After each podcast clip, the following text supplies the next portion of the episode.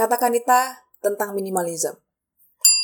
Ketika dengar istilah minimalism, pasti kalian udah gak asing lagi ya. Karena emang uh, sekarang ini banyak banget influencer dan juga youtuber yang mulai hidup minimalis. Mereka juga banyak banget campaign di sosial media mereka, misalnya Instagram dan YouTube. Kalau aku sendiri, aku sih lupa ya, pertama kali tahu term minimalism itu dari akun mana dan kapan aku lupa. Tapi yang pasti salah satu pencetus hidup minimalism yang banyak orang tahu adalah Marie Kondo. Jadi dia dari Jepang, dia bikin sebuah metode beberes rumah yang diberi nama KonMari Nah, metode tersebut mengajarkan kita untuk menyulap rumah yang berantakan banget, jadi tempat tinggal yang damai dan menenangkan. Basically, Mari sendiri adalah seorang konsultan yang membantu kliennya untuk membereskan rumah mereka yang penuh dengan barang-barang, mengurangi barang-barang, dan menyisakan barang-barang yang mereka butuhkan doang. Hal yang aku masih inget banget, dan yang paling memotivasi aku adalah statement bahwa setiap barang itu memiliki makna memori dan juga story-nya tersendiri. Tapi dengan menahan barang tersebut dalam waktu yang sekian lama, itu bukanlah hal yang baik guys buat kita. Karena kayak gini simpelnya. Kita mau sampai kapan gitu kan? Kita engage dengan barang dan kita dalam tanda kutip merasa sayang dengan barang-barang yang sebegitu banyak. Dan setiap tahunnya, bahkan setiap bulan, people tend to buy something new to fit their needs. Sementara barang-barang dari bulan lalu masih ada dan masih disimpan. Jadi siklusnya ya gitu terus. Kita beli, pakai, bosan, simpan. Bahkan kata simpan tuh kayaknya kurang cocok ya. Ada kata lain yang lebih cocok yaitu kata timbun. Atau mungkin kalian nggak belilah, kalian dikasih. Ntar siklusnya juga sama. Dikasih, pakai, bosan, simpan. Untuk barang yang dikasih ini, kadang-kadang alasannya tuh sayang banget karena yang ngasih orang yang tersayang juga gitu. Dan lagi-lagi ada kenangannya.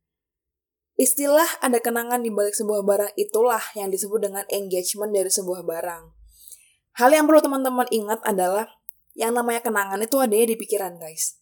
Once kita memutuskan untuk merelakan barang-barang tersebut dimiliki oleh orang lain, nantinya memori itu nggak bakal hilang kok dari pikiran kita. Dan memori di otak kita itu nggak akan jadi sampah. Beda lagi sama barang yang kita simpan itu bakalan nyampah banget di rumah kalian guys.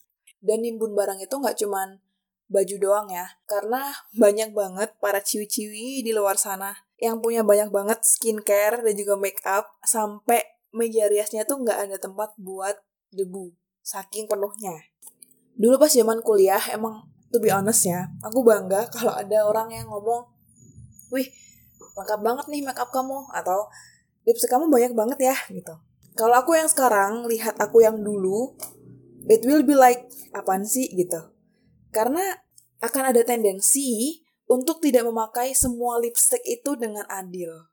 Pasti ada banget yang jarang dipakai dan akhirnya ntar kering, expired, ya finally dibuang di tempat sampah.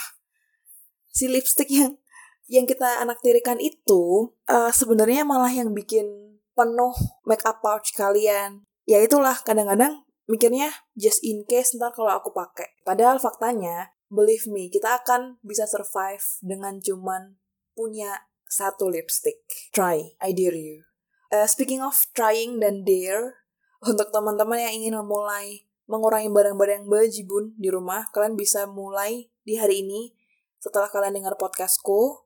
Silahkan kalian list barang-barang yang sekiranya udah nggak kepake sekitar 40 sampai 90 hari dan kalian bisa donasikan ke ya panti asuhan atau mungkin dikasihkan ke teman atau saudara yang lebih membutuhkan atau kalian bisa jadikan itu sebagai uh, sumber cuan kalian bisa jual atau kalian juga bisa post kan di WhatsApp kalian atau di Instagram kalian untuk menjual barang-barang pre-loved kalian.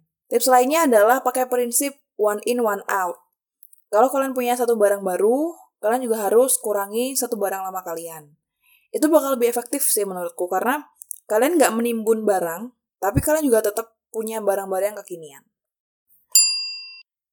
Thank you for listening my podcast. Dan yeah, I'll see you guys on my next podcast.